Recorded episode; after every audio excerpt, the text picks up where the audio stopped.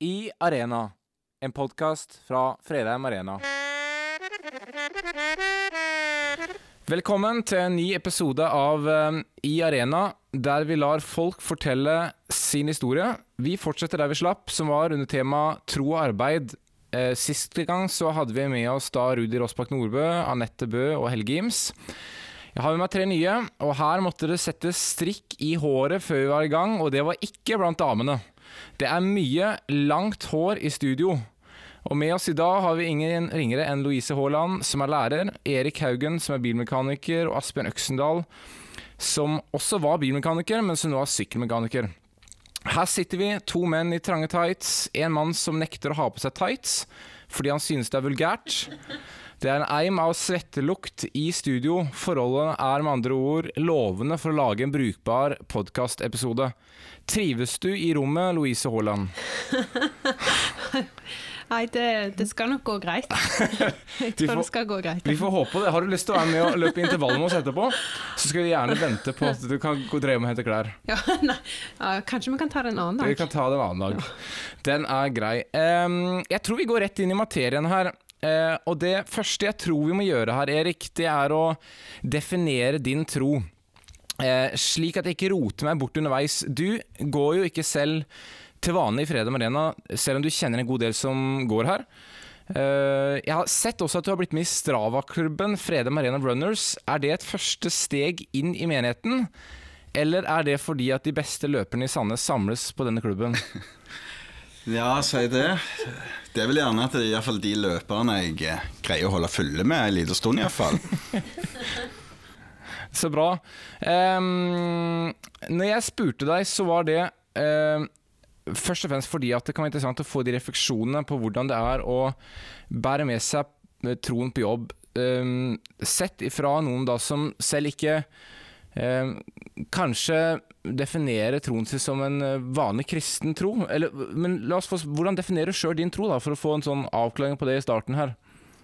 Altså, han er vel egentlig bare veldig udefinert. Ja. Jeg tror jo på Gud, Ja. men om jeg kjøper absolutt alt, det er vel greier ikke helt å bestemme meg til. Litt tvilende. Har du alltid trodd på Gud? Ja, det vil jeg si. Ja. Ehm, så når jeg sier at det er en, en udefinert tro, så er det, opp, er, opp, er det en grei måte å forklare det på? Ja, det syns jeg. Ja. Når jeg spurte med, så var det pga. de refleksjonene i forhold til det å jobbe med Asbjørn i dette tilfellet eh, over mange år, før han da valgte bort bil til fordel for sykkel. Eh, ble du skuffa over det? Ja, jeg visste jo at Asbjørn skulle en andreplass. Han har jo gått ifra meg før. Ja, han har det, ja. Han stakk av vei på bibelskole òg noen år, også. ja. ja. Så det er jo ikke første gang han så meg. Nei. Um, men da, da sier vi sånn at vi, da holder jeg meg til det at du sier udefinert eh, gudstro. Louise, du òg var jo på et tidspunkt eh, i livet eh, et sted hvor du eh, ikke hadde en definert tro, slik jeg har forstått det. Eh, hvordan skjedde det for din del at du kom til det punktet hvor du kalte deg en kristen? Ja, det er egentlig et veldig godt spørsmål, for det er litt sånn Litt etter litt, sånne små mm, drypp, hvis man kan kalle det det.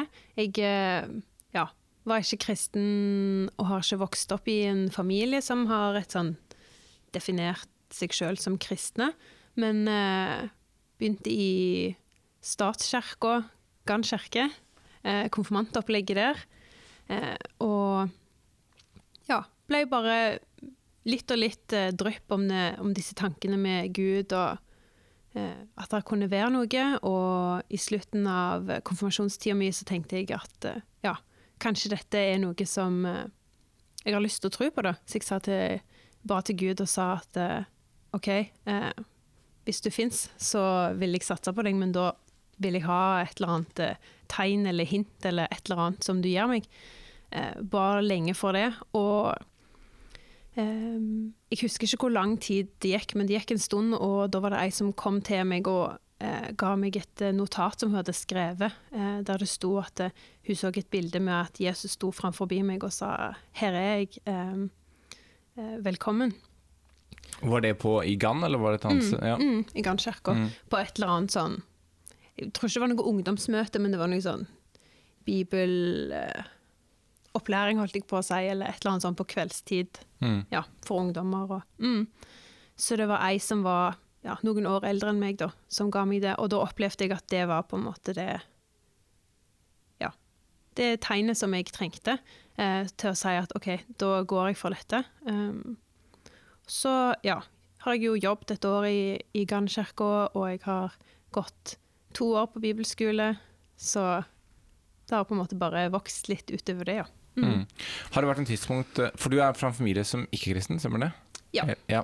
Har det vært en tidspunkt hvor du har tenkt tilbake at du er usikker på det valget du tok, eller var det sånn at når du tok det valget, at du da opplevde at uh, dette blir jeg ved? Um, en, sånn, en sånn type trygghet etter du tok det, at du var trygg på at du hadde gjort et riktig valg, eller var du usikker? Har du vært usikker i etterkant? For du gikk jo på IMI, eh, altså Mm, akta akta. som år. Ja. Mm.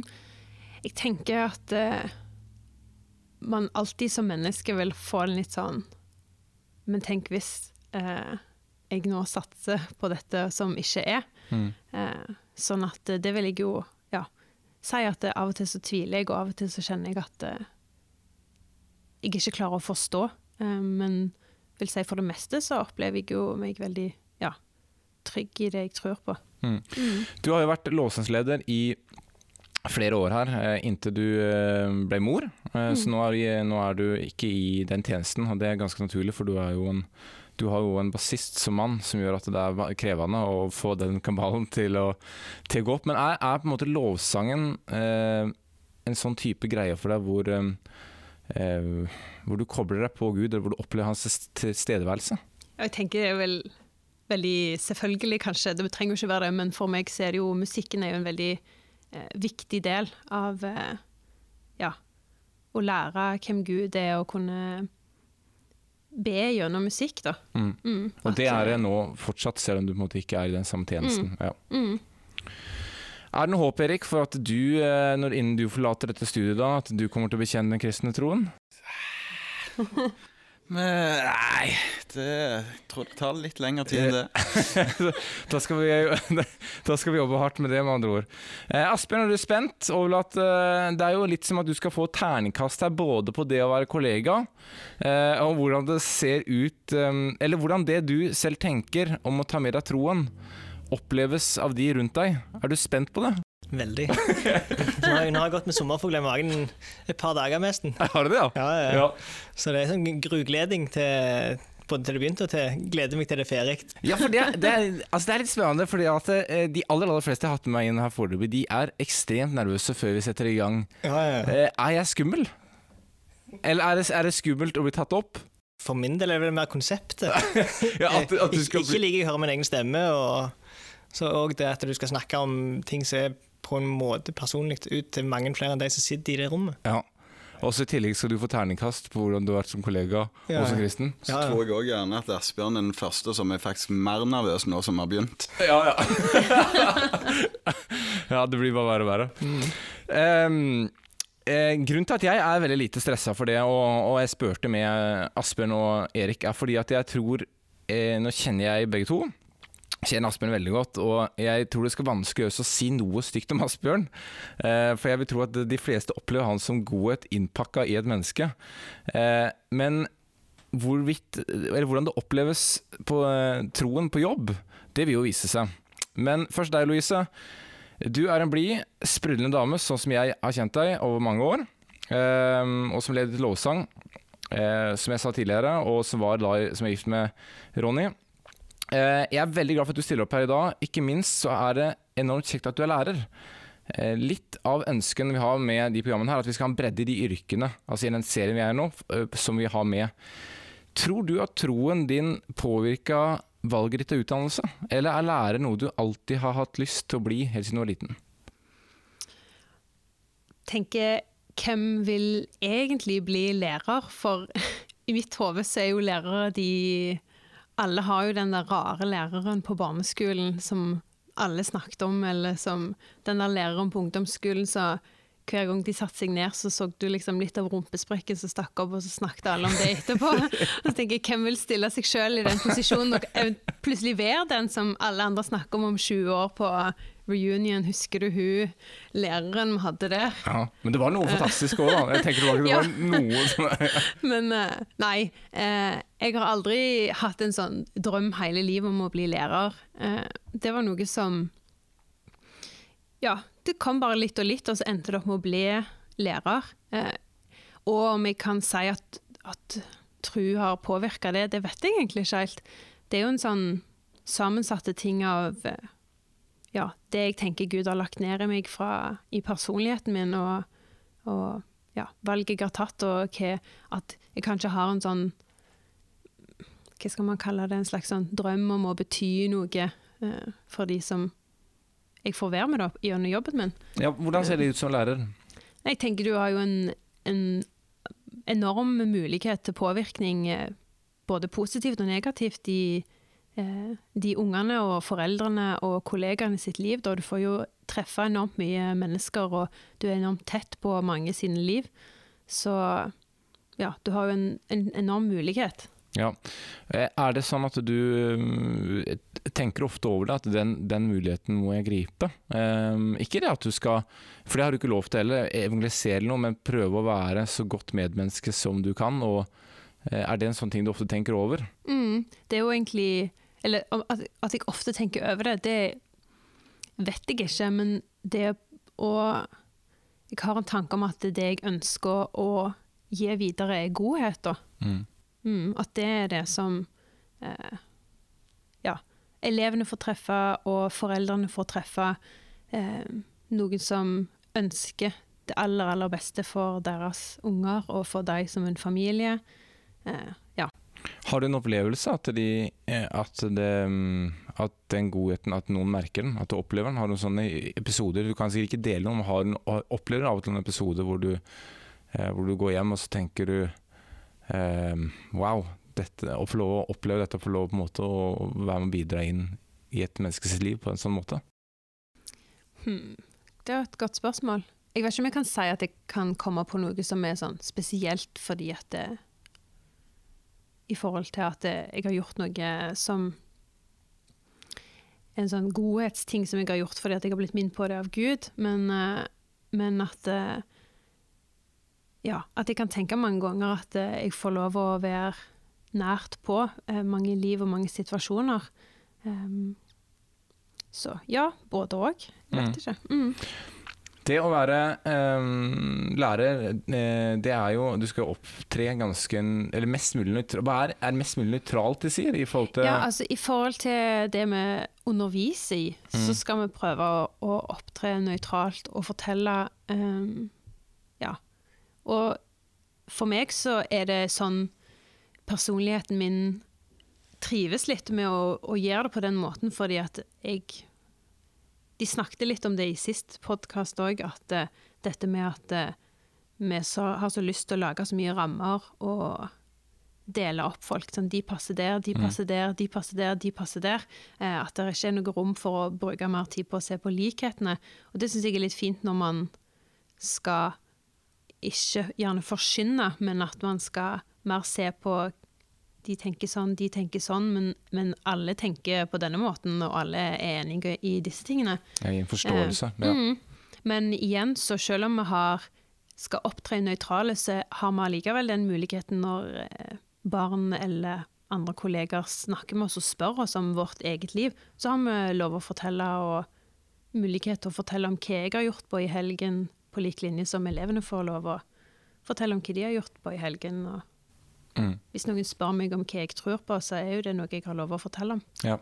Er, du, eh, er det med barneskole eller ungdomsskole du jobber? Barneskole. Barneskole, ja. Eh, Så ikke så mange av de veldig dype spørsmålene. nei, det, det kan godt være. Det går litt mer på den uh, Hvorfor har du prikker i ansiktet, egentlig? ja. um, er det vanskelig å være kristen som lærer?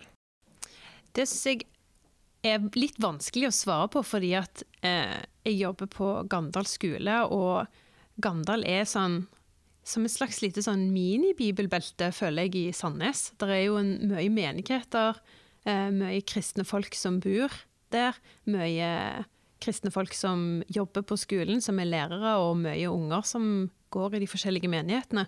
Eh, så hvordan det vil være på andre skoler, eh, der det kanskje er færre, det er vanskelig for meg å si. Mm. Men jeg opplever jo at det var mye flere folk enn det jeg trodde som var kristne. Ja. Sånn Og det blir møtt med en forståelse, at du på en måte har med deg en tro der i bakgrunnen. Mm. Ja. Og jeg har opplevd å jobbe med, um, med folk som uttaler at de eh, ikke er kristne, og at de ikke har noen form for gudstro eh, i det hele tatt, men at det, det er helt greit at eh, jeg tror sånn som jeg gjør, og Ja. mm. Med forståelse. Tror du, Erik, tror du at eh, Tror du det er vanskelig å være kristen som bilmekaniker?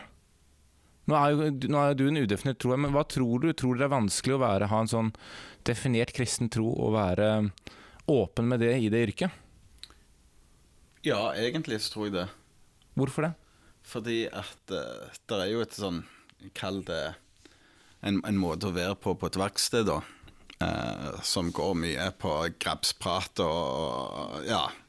Altså sånn gamle karika- karikaturer av hvordan det er å være bilmekaniker. Og mye av det henger jo igjen. Og det er jo fortsatt eldre folk i bransjen òg som henger Ja. veldig igjen på Ja. ja. Og det, og det setter en, en Altså, det preger Ja, ja. eh, klimaet. Det gjør jo det.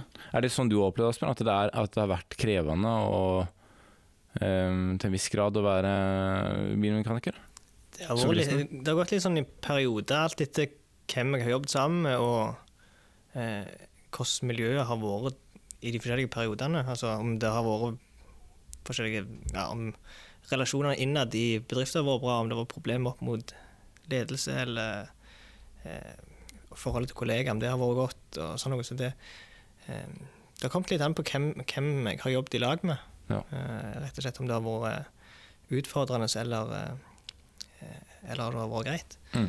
Eh, nå har jeg jo stort sett ikke hatt så veldig mange andre kristne rundt meg, eh, men eh, jeg har ikke oppfattet det som noe problem noen gang.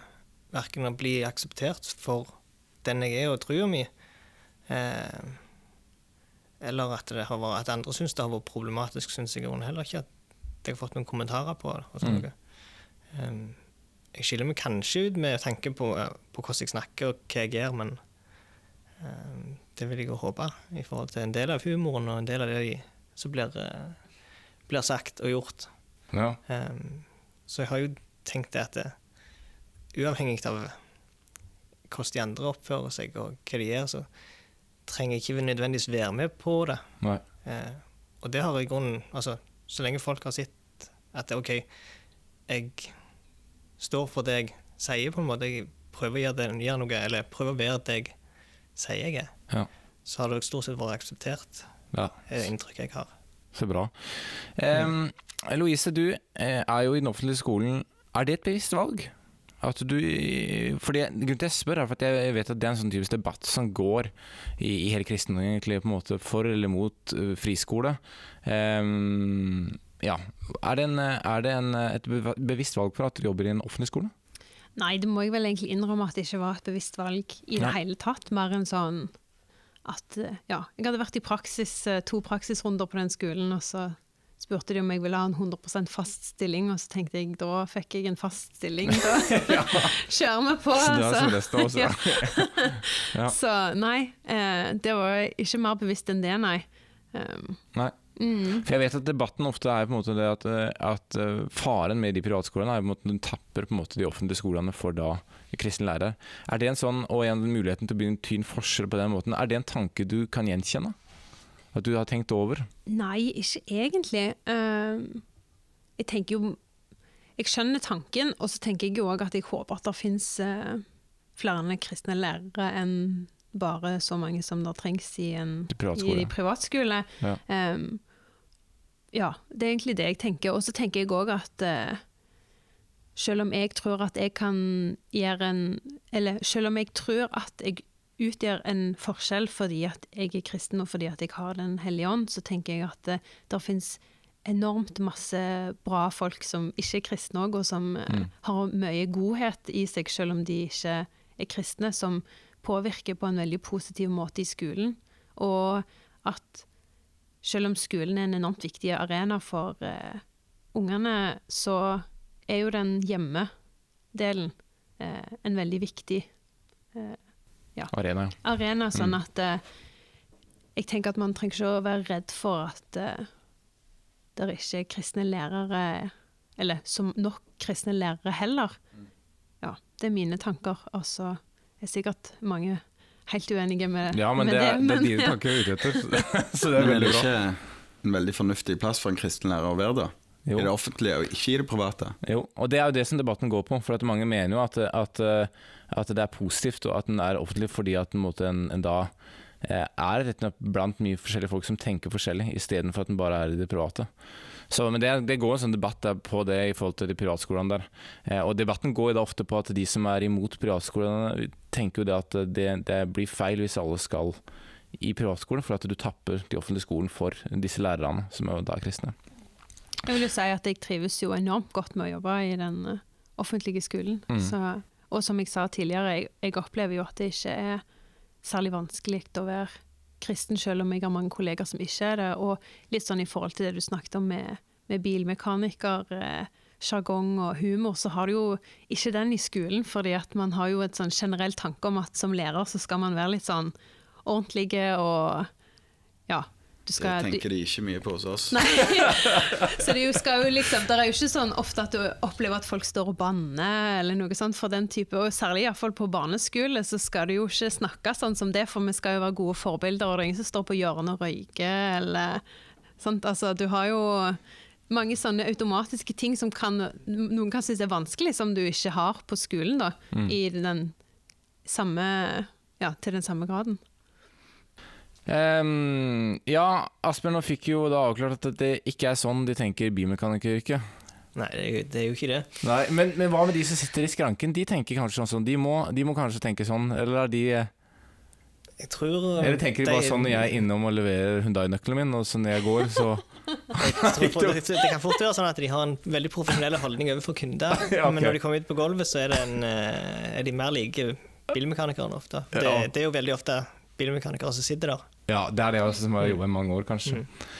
Um, uh, hvor mange år har du jobba som bilmekaniker før du nå begynte som Er det, er det sykkelmekaniker det heter? Det det, ja, det er sykkelmekaniker. Ja. Det er det. Eh, det er, jeg begynte som lærling i 2005, eh, og siden det så har jeg vel jobbet mer eller mindre, altså med litt avbrekk og litt heltid, litt deltid, etter hva jeg har gjort utenom, eh, fram til i fjor høst. Mm. Eh, som bilmekaniker. Så det blir vel Det nærmer seg 15 år siden jeg begynte i lære. Hvor lenge har du jobbet med Erik? Er det, det er 14 år siden vi begynte å jobbe i lag. så det betyr at Erik var med deg først til første stedet du jobba, så flytta dere samla over til andre stedet? Ja, altså, vi jobbet i lag på eh, Bil og Maskin, heter det da. Ja. Eh, Fram til jeg eh, bestemte meg for at nå ville jeg ut og reise, og endte opp på bibelskole på Hawaii. Hvorfor ble du ikke med dit, Erik? Det kunne jeg veldig godt tenkt meg. ja, okay, Det hørtes jo veldig fint ut. ja, ja. Nei, altså eh, Når jeg da kom hjem, så var det jo litt andre tider. Det var jo 2009, etter finanskrisa. ja. Eh, Så da var det ikke mulig, mulig for meg å komme tilbake i den samme jobben, så jeg begynte å jobbe på et elbilverksted. Eh, Og det, så begynte han på Bertel Osten med Mercedes etter hvert og skaffet meg jobb der. Ja. Så det, grunnen til at jeg begynte der, var egentlig fordi Erik fortalte om at det var en, det var en god plass å jobbe, og ja, det var greit betalte, fine kollegaer og Ja. ja, ordna forhold. Ehm, vi har jo vi har lovet oss selv, eller det vil si jeg har ikke snakka om det om det, men vi lover oss selv nå i hvert fall at vi, at vi skal dønne ærlige på de svarene vi gir her i dag. Eh, at vi har svart de samme svarene på de tinga som Selv om måte du ikke skal få responsen fra Erik på det, på det du sier, da, for at det skal bli mest mulig autentisk. Hvordan uh, har du selv tenkt For du har vokst opp i en kristen familie, stemmer ikke det? Det stemmer. Ja, Vært kristen hele livet? Ja, eh, jeg har vel definert meg som kristen hele livet, men eh, jeg vil vel si at jeg tok et mer sånn standpunkt på egen hånd, altså sjøl, etter jeg var, nærmere 18. Så etter jeg ble med i ungdomsarbeid her på Fredheim og sånn, begynte å forstå litt mer av hva det gikk i, eh, så kunne jeg vel si, mer at det utvikla seg til å bli ei selvstendig og ikke bare ei barnetro. Ja. Ehm, hvordan har du selv tenkt og ønsker at troen skal prege din hverdag på jobb? Um, jeg har vel tenkt først og fremst at jeg, altså, jeg skal møte folk rundt meg på samme måten som jeg vil bli møtt sjøl. og jeg vil òg at det, måten jeg møter dem på, skal reflektere litt av det jeg tror på. Um, altså prøvd å møte dem mer sånn, at- sånn som jeg tror Jesus ville møtt folk. Er det da nåde du tenker på, da? Ja, altså må, møte dem og ta dem for den de er. Mm. Eh, ikke nødvendigvis prøve å endre dem som personer, eller rakke ned på noe de gjør eller sier, men akseptere dem for den de er og det de står for i utgangspunktet. Eh, selv om jeg er uenig med dem Mm. ganske mye. Eh, og så klare å være meg sjøl helt og fullt, eh, og ikke være en annen på jobb enn den jeg er hjemme. Mm. Sånn at den de ser, det er den. Det er den den jeg er, uavhengig om jeg er med vennene mine på jobb eh, som bilmekaniker, eller om jeg er med vennene mine som er kristne hjemme. Det var, det var et av de svarene hun fikk sist gang. Eh, Det var vel Anette som sa det, tror jeg. At eh, hun Det var en av de tingene som var viktig for hun i det å være kristen, var det at hun skulle være autentisk, altså ekte. Eh, Er det en sånn er, Opplever vi, eller opplever dere at en del ikke er det? Si- Siden måtte det blir en sånn For jeg, jeg forstår, for jeg kan gjenkjenne litt sjøl òg, at det er noe av den måten jeg har vel definert det på. Men hvorfor gjør jeg det? Er det fordi at jeg opplever at øh, noen ikke er det? Det er litt sånn, Jeg har ikke tenkt over det sjøl, men øh, du har hørt øh, ikke-kristne som snakker om at kristne er falske. Ja. Eh, og jeg tenker at eh, OK, jeg er ikke perfekt, ikke på noen måte. Eh, og jeg kommer aldri til å påstå at jeg er det, verken som kristen eller som menneske eller noen ting, men at jeg eh, eh, tenker at det, den de ser på jobb, det skal være den samme som jeg er hjemme. Overfor kona mi, overfor ungene mine, overfor kristne venner og den jeg er i menigheten. Mm. Så jeg tenker at det, eh, ja, det kan være lettere å akseptere enn de ser er Altså ikke endre personlighet Mm. eh, for det man, for det man er med andre folk. Så det har vært litt av tanken min med, med hvordan hvordan å være kristen på jobb. Mm. Um, det var en uh, periode av livet hvor du uh, slet med sykdom. Jeg klarer ikke helt å huske når det var. Um, det var en uh, ME-lignende tilstand. Det var i var Ja. ME du hadde? Var, Jeg fikk, jeg fikk diagnosen du var ME, ja. ja. Jeg fikk, det, eller jeg fikk første diagnosen borreliose, ja. eh, som da senere ble diagno- diagnostisert med ME. Som, ja. Så det var jeg fra 2011 av var jeg syk ja, i et par år. Ja. Hvor, Mm. hvor var Gud i den perioden? Han var med. Ja. Det var han. Eh, både, altså det var jo utfordrende med tanke på å eh, gå i menighet, for det fikk jeg ikke til. Eh, jeg takla ikke å ha folk rundt meg omtrent. Var det mer enn tre-fire-fem stykk, så sleit det meg ut. Eh, da kunne jeg, ja, motivert for meg sjøl omtrent sengeliggende. Eh, kanskje ja, opptil flere dager etterpå, hvis det ble for mye folk. Eh, tålte ikke fysisk aktivitet, tålte ikke ja, egentlig fint lite i den perioden. Mm. Um, så det, det resulterte jo at jeg holdt meg vekke fra det vanlige, eh, tradisjonelle menighetslivet, stort sett. Det var Så det hadde utfordringer sånn sett, men du hadde òg det Altså folka som møtte meg på hjemmebane, eh, i små settinger, venner som husket meg. Eh, og sånn noe, så følte jeg at jeg på en måte hadde Gud med meg oppi det. Og, og jeg var heller aldri i tvil om at jeg kom til å bli frisk ifra det. Eh, Så, det var, altså, så- Gud blei på en måte ikke en sånn eh, borte for deg, når på en måte, selv om du opplevde at du var et annet altså, sted hvor du ikke klarte lenger å eh, gjøre det du hadde lyst til, så på en måte opplevde du at Gud fortsatt var til stede. Ja, Det Ja. gjorde jeg. Eh, ikke hele tida, men altså, jeg var hele tida trygg på at eh, uavhengig av hvordan jeg hadde det, så, så var han med. Eh, det var jeg. Og så blei du sånn, eh, som jeg har forstått deg nå, så er du, du er frisk, men du kan merke av og til at det, det er der fortsatt? Er det sånn Da jeg altså, jeg um, tok jo Lightning Process-kurset. mm, Um, og, og lærte noen prosesser der uh, som jeg fremdeles bruker når jeg kjenner ting trigges i kroppen. altså da Gitte situasjoner, gitte settinger som kan trigge noe av de samme på en måte symptomer som, eh, som jeg kjente på da. Ja. Uh, så da liksom lært å gjenkjenne dem, så vi bruker prosessen så, så han lærte. Ja. Uh, og det gjør en fremdeles. Det gjør jeg. Så det er jo sånn sett noe du lever med, men, men det hemmer meg ingenting. Bra. Eh, har du hatt et ønske om å leve livet ditt på jobb på en sånn måte at eh, andre kollegaer får en vekket interesse? Eh, altså på en måte tenke kanskje, tanken at kanskje er det noe der med han Jesus likevel.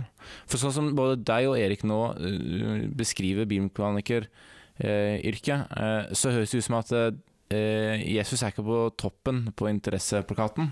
Nei, nei men eh, allikevel så er ikke opplevelsen min at folk er uinteresserte heller. Nei, for det er det som er spørsmålet. Men har du hatt, et, har du hatt en, et ønske om at eh, livet ditt skal vekke en interesse òg? Ja, altså Det er jo litt av tanken med at jeg ønsker å være autentiske, for jeg ønsker de skal se at det, jeg har en tro som betyr noe i livet mitt. Mm. Eh, og at de kan se at det er noe folk faktisk lever ut, som betyr noe for folk mer enn på søndagen.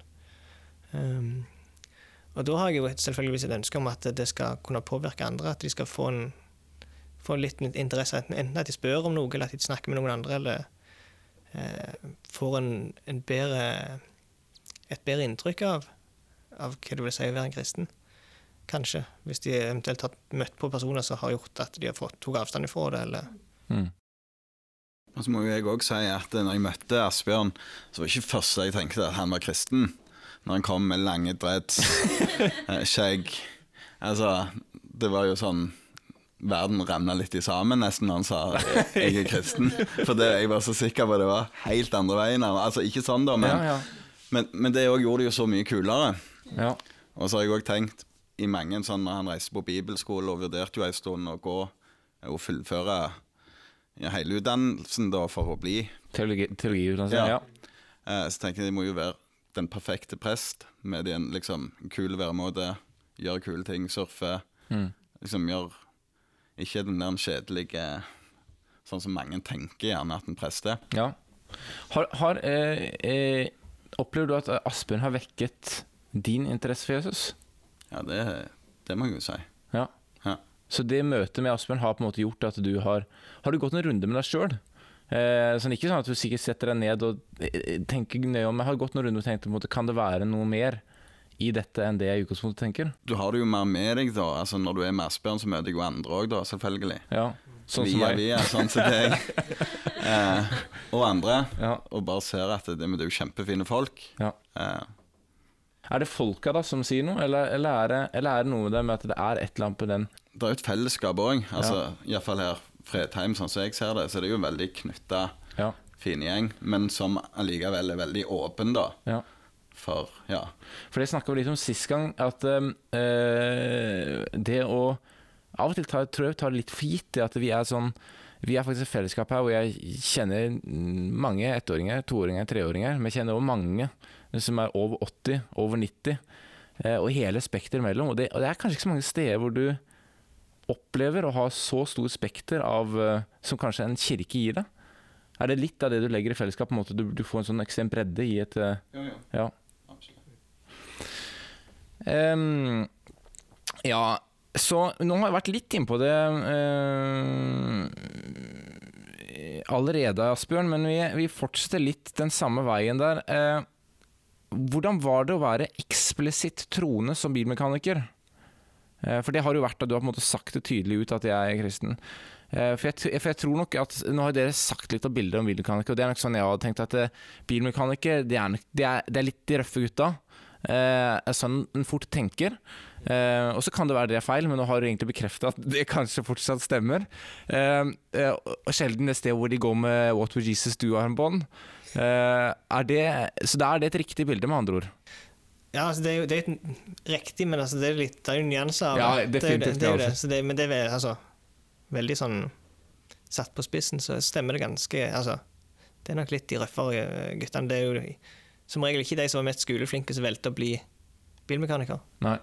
Eh, og de som gjerne var skoleleie og hadde lyst til å gjøre noe, eller lyst til bare å gjøre noe praktisk. Ja.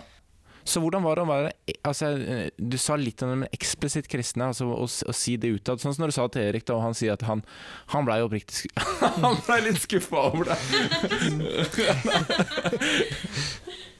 um, jeg tror altså Mer sjokka. Ja. Jeg har nok eh, Altså, jeg har jo ofte ikke hatt det stereotypisk kristne utseendet, kanskje. men Ligner jo på Jesus, da. Ja, det, det, er, det er et godt poeng. Men eh, jeg føler at det, jo mer tydelig jeg har vært, jo lettere har det, blitt, har det vært å bli akseptert for eh, eller som kristen, da. Nå har jeg jo hatt Erik som kollega, så jeg tipper nok at eh, altså, ut ifra en del settinger så har jeg nok kanskje hatt det lettere, i og med at jeg har kjent han så godt. Ja. Um, Fordi, fordi han har tatt noen kamper? Det vet jo ikke jeg, men, men, eh, men jeg vet at han eh, Jeg har en som backer meg, uavhengig av om, vi ser forskjellig på tro. eh, Så har jeg en som backer meg uansett. Så har det vært noe, så, så går det an å lene seg på han. Så det er litt sånn, det har vært Selv om jeg ikke har hatt mange andre truende, så har jeg alltid hatt noen som gir trygghet. eh, Som du vet du kan stole på. Ja. Men jeg vil bare si Vi snakker om tro på jobb, Mhm. men egentlig gjerne det tilfellet, eller de gangene det er verst gjerne det å være kristen, er ikke når du er på jobb, når du er ute på noe på kveldstid. Gjerne det er alkohol inne i bildet, det er forskjellig sånn. Det er da egentlig skulle til å si de stygge ulvene kommer fram, og det blir veldig tydelig at han er kristen, for han rører ikke, altså han drikker ikke noen ting. Det er jo et valg han har tatt, det har jo ikke egentlig noe med å være kristen å gjøre, sånn sett. altså. Mm. Men da har jo jeg sett et par ganger at eh, ja, det har kommet noen kommentarer gjerne. Og Ja, han, han drikker ikke, og han er ikke med oss, på et vis. Eh, eh, og det har ikke du registrert, Asbjørn? Nei, ikke, ikke på den måten. Altså, stort sett de som konfronterer deg med det, det er gjerne ikke de som sier noe sånn. Nei. Eh, De spør åpent om hvorfor og hva, og har det med trua de gjør. Eh, Noe det sånn sett Altså, på en måte så har det noe med det å gjøre, men det er liksom mer det at jeg tenker at hvis jeg lar være å drikke, så er det lettere for de andre som kanskje sliter med alkoholen, Ja. å drikke mindre, eller eh, ta valg og si nei til den som blir for mye, eller ta valget om å ikke drikke den ene kvelden. Ja. Jeg vet Erik, at jeg hadde en løpetur med deg for et par uker siden, og da sa du noe om det at du, du har tatt du har tatt en eller to kamper for Asbjørn, altså ikke for Asbjørn, men det har vært noen, noen ganger hvor du har satt folk på plass. Ja, det er jo Eller satt på plass og satt på plass, jeg har sagt hva jeg har ment, iallfall. Ja. Og det går på den type ting? Ja, det går på, på en måte at uh, han kan ikke være med i et fellesskap, skulle jeg til å si, for han ikke gjør sånn og sånn. Mm. Ja, hvorfor det? Ja. Hvorfor Hva er forandra? Han er jo her, på lik linje som deg. Ja. Hvordan reagerer du når, når, du, når, du tar, um, når de tar han til forsvar da? Nei, jeg tror ikke Altså, alle som er på jobben, vet at jeg tar Asbjørn i forsvar. så det Men det er jo ikke så ofte han trenger forsvar, da. nei, nei, for det sa du nå, og det må jeg nesten få fram, Asbjørn. Um, for det går nesten litt på den der autentisitetsbiten. Uh, og det var at du har sett eh, Når jeg sa det at jeg er ikke så bekymra for å ha deg, dere to her, at jeg skal snakke på den måten, fordi at eh, du er stort sett alltid god, oppleves som. Så sa du, Erik, at du har sett Asbjørn kun sint én eneste gang. Ja, Eh, Da var han sint òg. hva var det? Det var en som hevda at han løy. Ja. Og det vet jeg Asbjørn ikke gjør. Og det vet han òg nå, at Asbjørn ikke gjør. For da tok du til motmæle. Ja, ja. Husker du det fortsatt? Jo, jeg husker, jeg husker den episoden òg, ja. Er det litt fordi at det da i- tråkka han inn i noe dette her, At dette her måte du hadde bygd Altså at du, Det var så viktig for deg å være ærlig at når en måte kom og nå hevda at du ikke var det, eh, så, så blei du provosert? Altså, eh, noe av det jeg har tenkt på jobb, er jo at jeg skal være ærlig både altså overfor kunder, overfor kollegaer, overfor eh, alle de andre i bedrifter òg. Så de skal vite at hvis jeg sier jeg har gjort noe, så kan de stole på at OK, da er det gjort. Mm. Um, og hvis en da får på en måte føle noen trør inn over det, at noe du vet du har gjort, og folk andre, andre kollegaer har sett du har gjort, Mm. og du, de kommer og sier du ikke har gjort det, så kjente jeg at det provoserte en god del, ja. Ja, ja. Det var ikke bare han sa det, altså, det var nok litt sånn han faktisk du liker. ja. Altså, ja. Eh, når vi snakker om disse tingene, så må jeg eh, prøve å gå tilbake på det tidspunktet hvor jeg ikke jobbet i Menett. Det har jeg gjort såpass mange år nå, og da er jo jeg tilbake i studietiden. Eh, noen år jeg hadde på platekompaniet, og jeg husker jo eh, på det tidspunktet, da var det deltid mens jeg studerte, at jeg òg ønsket å bety en forskjell der jeg var. Eh, og jeg merka også at det kom en del samtaler om tro. Eh, jeg ble jo på en måte fort litt definert som presten. Men det var jo fordi jeg studerte eh, teologi, så jeg jeg regner ikke med at alle kristne blir frie, så presten på arbeidsplassen. Eh, og, og undring rundt det. Er, er dette noe du har gjenkjent, du Asbjørn, i uh, bilmikrobransjen? Ja, det er jo for så vidt det. Eh, Du, Jeg kaller jo Asbjørn presten. De gjør det, Ja, ja. ja. så det er, du får en, på en måte en merkelapp, du gjør jo det. Eh, når du er tydelig eller eksplisitt på at du er truende. ja. Eh, for du blir jo liksom den, den som er litt annerledes, ja. Muligens. Hvordan eh, kommer de opp til det? Altså, er, de, er de interessert og spør? Ja, noen er det. Altså, jeg tror ikke alle tårer viser at de er interessert, eller være interesserte. Eh, og ikke alle tårer spør, eh, selv om de er interesserte. Så det, det er mange av de kollegaene jeg har hatt, som har brukt lang tid før de liksom har spurt litt mer sånn personlige spørsmål rundt trua mi. Eh, selv om de har visst lenge at jeg har vært kristen. Ja. Men det er liksom det, det er flere som har spurt det, da. Eh, og du har fått en, en god del samtaler etter hvert. Opplever du det i eh, læreryrket og Louise? At det er folk som er interessert når de vet at du er kristen? Eller for der, Du sier jo at det er veldig mange på din arbeidsplass som er kristen, så det blir kanskje litt annerledes, men, men opplever du at folk er interessert i å, å vite hvorfor du tror, og, og hva du tror på? Helt ærlig så opplever jeg mest at vi ikke har så mye tid til å tenke og snakke om så mange andre ting enn det vi holder på med. Ehm, men, eh, men nei, men jeg opplever jo at eh, Jeg opplever jo at ikke jeg blir eh, holdt utenfor når man snakker om ting man gjør og hva man holder på med, og at det er like eh, interessant å spørre meg hva jeg holder på med, som det å spørre noen andre som har eh, en eh, seilbåthobby eller en eller annen type. Så ja. Så på den måten så opplever jeg jo at eh, Definerer du tro som hobby? Nei, nei. Veldig godt eh, oppfølgingsspørsmål, for det var ikke det jeg mente. Eh, nei, men at det er andre ting man gjør på da, utenom. Mm. Ja, så da tenker du på meningsliv, nei, Ja. At, altså, at vi, hvis jeg har eh, vært på et eller annet i helgen eller på kvelden eller noe, at det, det oppleves som like naturlig at jeg forteller om det som at de andre forteller om det de holder på med på ja. Med seilbåten, eller Ja. Eh, Erik, du svarte ganske kjapt ehm, eh, ja til meg når jeg spurte om du ville stille. Uh, og det syns jeg det står respekt av. Uh, for du, ja, samtidig så skrev du at uh, etter å sagt ja, at du tok med deg podkasten ut i bryggerhuset ditt nå, for å høre igjennom hva dette gikk i. Det er ikke sikkert jeg kommer til å høre så mange ganger at noen tar med seg denne podkasten ut i bryggerhuset, men det skal du vite at jeg setter pris på. Ja. At den var med ut der. Uh, ble du avskremt av det du hørte? Nei, absolutt ikke. Nei, Så du syns ikke vi er for voldsomme? Nei, nei det syns jeg ikke. Jeg syns faktisk det var en veldig bra podkast. Jeg Ja. trodde den skulle være litt dårligere. Ja, jeg trodde det skulle være litt mer sånn amatørmessig. da synes, ja. Ja, men Så kjekt å høre. Så du syns ikke vi er for voldsomme? Nei. Forstår du at uh, tro er eh, Det regner jeg med. Hvis du, hvis du jobber med Asbjørn i, i mange år, så forstår du at tro er noe som omfatter altså, noe som blir omfattende for hele livet. At det, det blir enormt viktig. Ja, ja. Ja. Det gjør jeg. Um, nå har du allerede Altså, Vi har snakka litt om bilmekaniker. Hvordan er en hverdag som bilmekaniker? Nei, Den eh, Hva skal du si? Ganske plain. Ja, det går, det går mye i sånn rutinearbeid. Ja. For så vidt. Altså, du møter på jobb, du får uh, levert ut et sett med arbeidsordrer som du skal bli ferdig med den dagen. Eh, så begynner du egentlig fra, fra starten, tar første bilen og tar den inn og ser hva som er galt, eller eventuelt tar servicen på den. Og så må du få kundemottaker til å ringe kunde, og så fikse eventuelt Det som er det, det som er feil. Ja. Og det er mye det dagene går i. Så han jo, står han jo på sida av andre, da. Så det på en måte jobber du individuelt, men allikevel så har du et fellesskap med de på sidene dine. Betyr det at dere får eh, Det er mer rom for å få til noen samtaler og, og snakke sammen enn det kanskje det er i læreryrket, hvor, du, hvor det er kav hele veien, eller er det som bilmekaniker òg? Eller kan du velge litt, eh, alt etter hvor mye Nei, Sånn som jeg og Asbjørn, så holdt vi jo òg på med mye av samme jobbene. Eh, mye på elbiler da på slutten.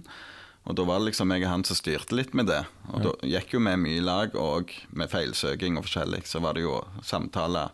Så du går jo opp og ned hele dagen egentlig og snakker om løst og fast. Ja. Eh, når du hører Asbjørn fortelle nå, tenker du at eh, det han beskriver om hvordan han ønsket å være som kristen, også er sånn du har opplevd den? Absolutt. Ja. Mm. Eh, men du, autentisiteten, er det noe som på en måte du du merker har vært der hele veien? Ja. Ja. Han Eh, har vært beint fram hele tida på hva han står for. når du sa at du ble sjokka, at han var eh, eh, Du brukte jo 'sjokka', da. Jeg sa et annet ord. Det, Ja. eh, skuffa, sa vel jeg. Eh, sjokka var han kristen. Hva, hva, hva la du litt i det? Altså for at du Opplevde du da at det kom en her som du likte, som eh, hadde med seg noe som du eh, var usikker på om du likte? Nei, det, det var ikke det. Det var mer eh, Hva skal du si At jeg hadde jo allerede satt han i bås. Sant? Mm. Og så plutselig passet han ikke opp i den båsen lenger. Så var jo det som var sjokket. Det var jo ikke han i, i seg sjøl. jeg tenkte jo ja, rett og slett at Bob Marley kom mot meg, sant. Ja. Så, og jeg liker jo Bob Marley veldig godt òg. Ja. Men, eh, men det var jo bare kjempepositivt Ja. likevel. Det ble jo bare kjempebra, hele greia. Har du merka troen til Asbjørn på jobb? Og da, ikke bare sånn at han sier at han er kristen, men har du merka det gjennom livet hans? Ja, jeg tror han finner en ro i det. Altså Han er en mye mer roligere altså, Indre ro, da. Veldig stabil. Ja. Ja, en sånn trygghet? En trygghet, ja, rett og slett. Nå har vi snakket litt om det òg, men det er at den blir møtt med forståelse. Um, Aspen, du sa at du, du har opplevd stort sett det, og du nevnte noen episoder hvor han ikke, hvor ikke det Men hvordan, hvordan det når ikke Aspen er til stede, opplever at de folka stort sett har forståelse for det? Ja. Og respekt for det? Absolutt. Ja. Snakkes det om det, altså måte tro, når, um, når, når den altså måtte For å forstå sånn at Asbjørn har jobba som alene som kristen på det stedet, var det ikke det du sa, Asbjørn? Det har gått litt, litt opp og ned. Altså, det har vært andre kristne på, på verksted. Eh, Ja. Det har det. Men um, um, jeg vet ikke hvor mange som var, andre som var kristne på, på verksted etter hvert, utenom meg. Ehm, det er sikkert flere som definerer seg som litt sånn udefinert, at de på en måte er interesserte, men på en måte kanskje tenker at det kan stemme noe, men de vil ikke definere seg som kristne. Nei. Det kan godt hende. Men, eh, Er det der du har vært hele veien du, Erik? Eller er det en, eller er det en, en glidende um, faktor fra at du var et annet sted før, og at du nå på en måte du, du tror, men du er litt usikker på hva det er, at du, på en måte, det er en bevegelse Jeg vet ikke om jeg kan si bevegelse mot Gud, på en eller annen måte, men, men er, det sånn, er, det, er det sånn du vil oppsummere der du er nå? Jo, egentlig så tror jeg du er veldig inne på det. Det har jo liksom Du blir eldre, du blir mer reflektert. Du tenker over gjerne ting du har opplevd, sitt, vonde situasjoner du har vært i. Eh, jeg har jo sjøl funnet meg sjøl altså på kne med hendene folda mer enn én en gang i livet. Og jeg tenker det er ikke noe du gjør hvis du ikke tror. Mm. Men akkurat hva jeg tror på Vet ikke. Nei. Men om det Så sier noen gjerne at det er bare at, at du er desperat. Men nei, det har ikke vært det heller. Nei, ja, for at du, noen, noen vil hevde at du er desperat, Ja. At det har ingenting med tro å gjøre, du er bare desperat. Ja. Men men du opplever det ikke sånn? Nei. nei. Finner du ro når du eh, ja, det har faktisk, ja. Ja. Blir det nat naturlig for deg e- etter en sånn episode å øh, Nå jobber du ikke lenger med Asbjørn, med å snakke med Asbjørn om det? Nei. Snakker du med noen om det? Men du snakker med oss om det? Snakker jeg Det er jo ingen som hører på. Nei, ingen som hører på, Erik. Veldig bra. Um, Jo, vi har vel snakket, litt. snakket om det i noen sånne episoder Ja. fra tid til annen. Uh, men uh, Ikke noe sånn veldig. det er ikke hver det, jeg vet, Nå vet jo ikke jeg hvor mange ganger det, her, det skjer, men, eller hvor mange ganger du har befunnet, deg i, den situasjonen. Men, men uh, det har hendt at, at du både har spurt på forhånd og når, du, når det har visse ting som har skjedd i livet ditt, om jeg kan være med og be. og hvordan hvordan eh, opplever du at det har vært i eh, eh, For å ro når du har bedt om et Altså på måte, han kan jeg be for deg, eller er det sånn at du opplever at det hjelper deg gjennom det? Jo, de, jo. eh, akkurat helt sånn konkret hva jeg får ut av det, vet jeg egentlig ikke helt, men jeg føler jo at det, liksom, det hjelper meg, da. Ja. Em, forstår du at dette her er tema overhodet, hvor, hvordan troen påvirker hvordan en ser og tenker om arbeidet? Som, altså, som en kristen forstår at, at vi stiller det spørsmålet hvordan påvirker troen arbeidet, altså hvordan du ser på arbeidet? Eller er det et rart spørsmål å stille, tenker du? Både ja og nei, for jeg tenker selve arbeidet gjerne ikke, men i det sosiale, ja. Mm. Men i arbeidet så ser jeg ikke helt den store tingen. Nei. Eller det er jo litt annerledes som lærer, da. Ja, jeg der du faktisk det er- jobber. Mm. Men At det er forskjell på hva slags type jobb uh, man har. ja. Ja. Hva tenker du om det, Aspen? Jeg har jo egentlig alltid sett på det som at jeg, den jobben jeg har, den skal jeg gjøre egentlig best mulig. Og det på en måte som eh, For at eh, på en måte Jeg tenker det reflekterer holdningen min til det til både an, andre, da, gjennom altså, og trua mi. Eh, jeg tenker jeg kan reflekteres i måten jeg utfører mitt arbeid på. Eh, om jeg bare driter i på en måte de jobbene jeg får inn, ikke bryr meg om kvaliteten, ikke bryr meg om eh, på en måte den kunden som kommer.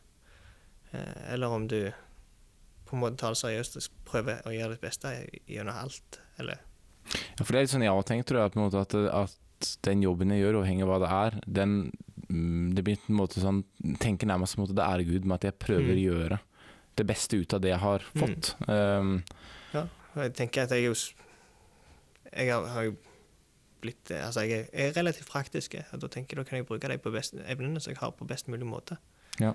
Um, og da kan det òg være en måte å gjøre det på. Med jeg tenker at jeg skal gjøre det arbeidet jeg har, om jeg er bilmekaniker, sykkelmekaniker eller lærer eller pastor og prest, eh, så tenker jeg det går på en måte for det samme. mm. Eh, du kan ha samme holdningen til arbeidet ditt uansett Ja. hva du jobber med. Går det kanskje litt tilbake til den tanken som vi gjerne har, at vi ønsker å være autentiske, at vi ønsker at eh, alle sider med hvordan hvordan jeg gjør jobben min, viser på en måte at dette er mine verdier, da, og sånn som du sa, Mm. at det, det ærer Gud. Mm. Vi tenker det, da, at det, det viser Mm. gjennom Ja, jeg tenker det, jeg, det er litt det jeg òg tenker. Altså det er, hvis det skal være helt, eh, så kan du ikke la, på en måte legge vekk den sida som har med eh, noe for eksempel bare praktisk arbeid, og kalle det bare det. Eh, Så kan det like godt være en måte å vise holdningen, vise trua på, tror jeg. Mm. Eh, det er ikke sikkert jeg har fått det til, men det er liksom det, noe av det jeg har tenkt hver dag når jeg går på jobb. For det er ikke, det er ikke alltid jeg har trives, like, trives best som bilmekaniker over leie. Så har jeg egentlig tenkt at ok, da skal jeg iallfall gjøre så godt som jeg klarer, selv om jeg er lei av jobben min. Ja.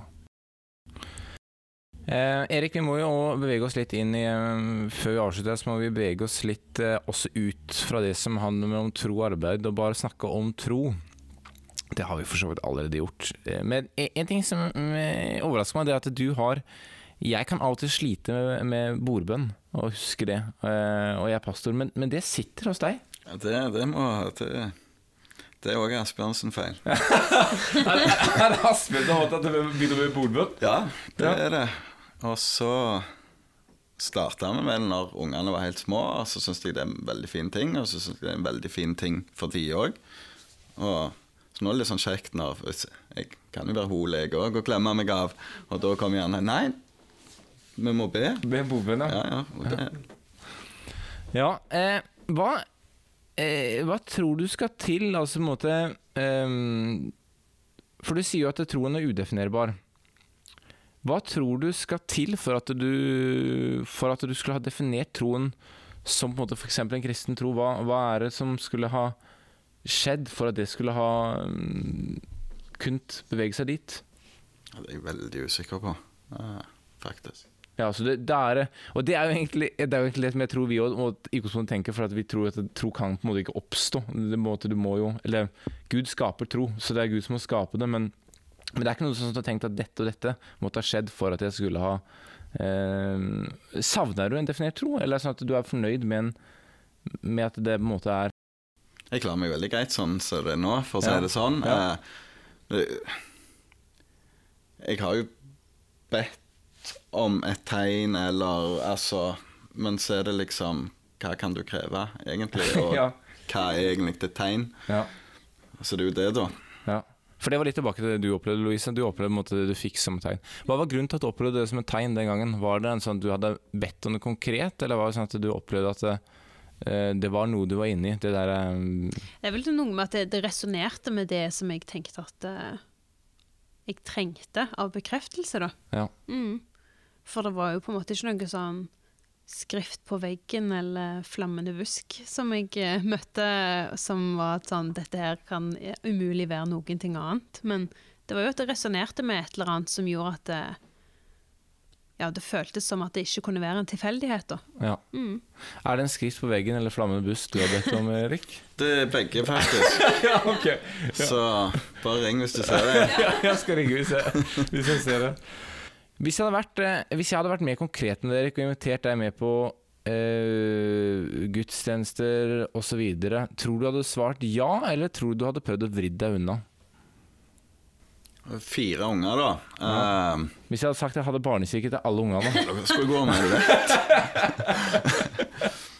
Nei, jeg har jo vært med på litt, jeg. ja. Ja, du har vært med her òg. Ja. ja, for du har vært med her Jeg har sett det noen ganger her, men det er det på G2 tidligere? Eller i hvert fall Du var i hvert fall med på når de slapp den uh, plata. ja. Ja, stemmer det. Den, uh, på julaften et par ganger. Mm. For det, det er en sånn ting som jeg av og til lurer på. Er det sånn uh, Uh, Når du ser at dette her betyr um, så mye for uh, livet til Asbjørn, um, så mye for livet mitt, er det sånn at du av og til blir, kan bli skuffa over at vi uh, ikke inviterer deg med? Eller på en måte at vi mener at vi burde ha prøvd, hvis dette her er så vi, vi opplever så viktig for oss? Og Her er jeg åpen for å få et kritisk svar, Erik. Det er egentlig et spørsmålet. Men, men det er ting som man går og lurer litt på. Er det sånn at en av og til um, Syns du det hadde vært naturlig at vi hadde vært hardere på spurt mer? Hvis det betyr så mye for oss som vi sier? Naturlig, naturlig. Altså Nå er det jo som sagt veldig travelt eh, med alt som foregår hjemme, så liksom det er jo tida da. Ja. Men eh, det er jo alltid fint å bli spurt. ja. Men du har, ikke tenkt, du har ikke tenkt over det? At, uh... Nei, det er ikke noe jeg har gått og tenkt veldig mye på. Nei. Og ja. Har dere hatt en dialog på det eh, tidligere, når, når, eh, når dere jobbet sammen, Asbjørn? Vi tenker på om man skal være med på På ulike ting, og på en måte at du har kjent at det Men det kan jo gå begge veier, og det kan jo gå til Erik og spørre deg med på andre ting. Mm. Nei, vi har jo altså Vi har Altså- generelt sett gjort litt forskjellig i lag. Ja. har vi. Eh, han har vært med meg litt her, og vi har vært på et par konserter i lag. Og eh, ja Spilt litt fotball i lag. bil fra Voss og hjem. Og Ja, funnet, Ja, på, det- funnet- på litt annet sånn som ikke har vært altfor lurt. Ja, for det er litt av det som var på en måte poenget mitt. At, at blir, blir, blir litt det samme? At, på en måte en, at ikke det blir sånn at det, blir, det du holder på med, det, eh, det tar jeg ikke med noen på. Mens på måte konsertlivet det kan godt ta med på, men at det blir naturlig å invitere tilbake. Selv om det livet du har holdt mye på med, da på en måte er i meningssetting. Så har det vært naturlig, og sånn jeg forstår det her. Det, ja, vært veldig naturlig å snakke om hva jeg holder på med, og spørre om hva han tenker om det. og Det har liksom aldri vært noe problem. Jeg skrev jo en oppgave når jeg gikk på bibelskolen på LDTS-en på Hawaii, der vi skulle snakke med en ikke-kristen. Eh, I plassen for å gå og snakke med en sånn vilkårlig, så ringte jeg hjem til Erik. Der vi snakket et par timer eh, om både verdier, verdigrunnlag og alt mulig. Så det er liksom det, Egentlig fra nesten fra vi ble kjent, har det vært naturlige ting for meg å snakke med han om. til en viss grad. Altså, Jeg har aldri prøvd å presse det på han, men det kommer naturlig opp av og til. Eh, og så har vi veldig mange andre interesser som, som stemmer overens, da. Som har mye, mye å snakke om både med ja, med tanke på tro og med tanke på andre interesser, hvil og sport og det som er. Så nå har vi jo familie begge to òg. Ja. gått i fella. I forlengelse med det som går på å invitere inn i, kirken, Erik, så vet jeg du har noen refleksjoner rundt det. Um, at du, du kanskje kan oppleve at det å, uh, det å være kristen av og til òg kan se litt stressende ut. Hva, hva tenker du på da? Nei, da føler jeg liksom på det at eh, Og, og som jeg har hørt, at folk stresser med å spre budskapet, ak akkurat som det blir en byrde som de ikke hadde trengt å ha. Altså, folk stresser seg syke med det, rett og slett. Ja, for du tenker at, øh, at vi ha nok bare med det å, å hvile i det, altså på en måte i utgangspunktet? Ja, jeg mener at, eh, at det burde liksom At du kunne få lov til bare å være kristen uten å liksom føle en trang til å spre budskapet, selv om det er jo en vesentlig ting allikevel. Men jeg tror mange stresser med det. Hva tror, hva tror dere er grunnen til at eh, så mange av oss at, at, For det er en nyttig refleksjon å få.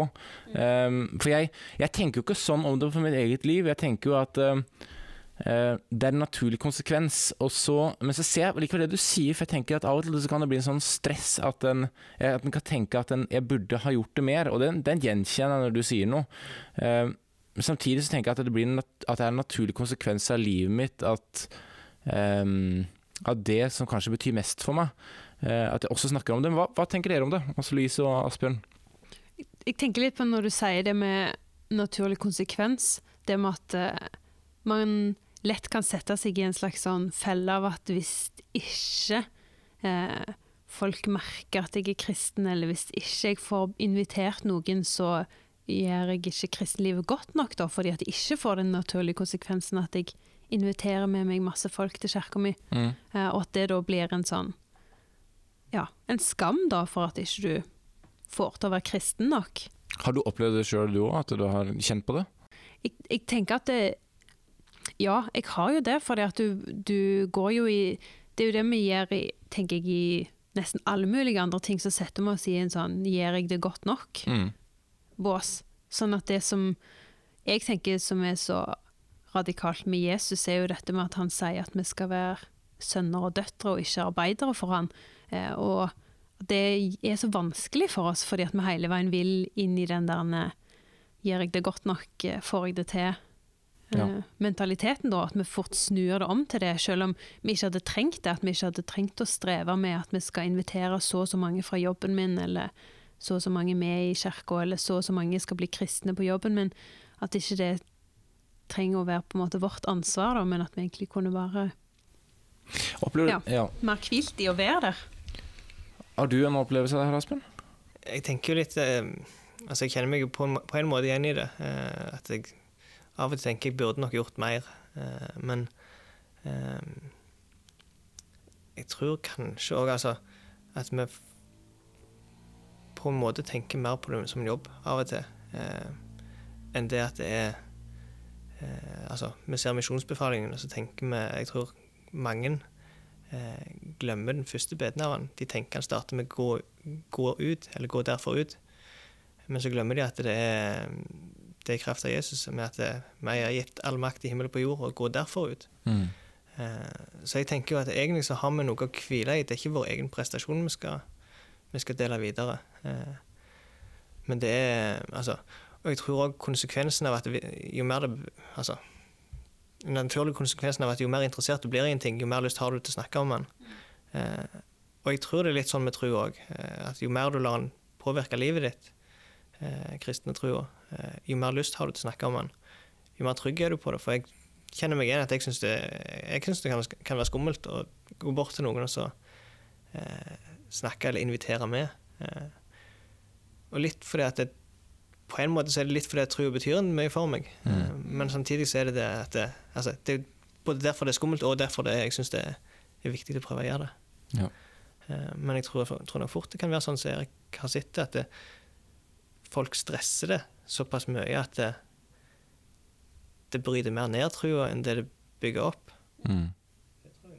Du sier, er, det sånn eh, lite tiltalende? Altså for at du, med, med, at du tenker at akkurat den biten der eh, ser lite tiltalende ut, med tro? Ja, jeg vil egentlig si det, for ja, det er nok ting i livet du stresser med, skulle jeg si. Altså barn, jobb, altså alt du prøver egentlig å få til, skal bli så bra som mulig. Hus, hjem. Eh, og hvis du da, liksom når du har fått de tingene på plass, gjerne sånn noenlunde greit, setter deg ned på kvelden og vil slappe av, så bare Nei. Det var det òg. Jeg tenker det er en Ja, så du, så Kall det en uting, da. Jeg Ja. ikke. Så når, de, når jeg stilte spørsmålet, så kunne du egentlig tenkt at uh, egentlig så, så ville du ha stor forståelse for at jeg ikke gjorde det. For at, jeg, at dette her var egentlig noe jeg først og fremst skulle bli hvilt i. At, uh, for du sa vel det òg sjøl at du hadde, hvis du hadde hatt behov for det, så hadde du, så hadde du sjøl spurt om du kunne være med. Jeg tenker også at det gjerne burde være litt mer fokus på det ut i de forskjellige menighetene. At det, det er ikke et press på dette. Vær dere sjøl, slapp av. Lev. Ja, jeg tror det er, jeg tror det er inne på det. For at når jeg, når jeg sa konsekvens, liksom, så, så for, forstår du det på en måte. Og det er det som er poenget. For jeg mener jo ikke at på en måte, konsekvens er at du skal på en måte, gå for mye, men at konsekvensen av livet mitt med Gud bare blir at jeg jeg håper at uh, de forteller det på en eller annen måte, uten at jeg nødvendigvis bruker ord. Men, uh, men, det er det jeg mener. Men det blir så lett sånn Det blir lett misforstått, og det er kanskje noe vi er inne på her. Og, og Derfor er det nyttig å få den tilbakemeldingen fra fra deg, Erik, på dette her. At du, du ser, når du ser utafra, så, eh, så kan dette, akkurat den biten der se litt stressende ut med hele greia. Eh, og det vet jeg òg at det er en del av oss som, som kjenner på at vi Som jeg har snakka med folk om. Eh, at eh, vi er redd for at folk utenfra kan se se og tenke at det ser litt stress ut. Altså, måte, en ting er det å bli kristen, men hva betyr det? Betyr det at jeg må være med alt i menigheten? Betyr det at jeg må gjøre det og det og det og det? Og så blir på en måte livet egentlig bare mer hektisk. Så um, ja, nei, det var veldig fint å ha dere med, eh, folkens. Eh, landingen den nærmer seg. Sending to av tre om tro, liv og arbeid. Nok en gang så hadde vi med tre fine folk. Neste sending det blir sikkert i løpet av et par uker, hvor jeg finner tre nye fra tre ulike yrkesgrupper. Så jeg reflekterer gjennom tro og arbeid. Uh, troarbeidet som de står i. Uh, takk for de fine menneskene vi har hatt med oss i dag i denne episoden. Og så er det bare å, på tide å knytte lissene, stramme tightsen og sette kurs mot Sande stadion for å jobbe videre med midtlivskrisen. Adjø. I Arena, en podkast fra Fredheim Arena.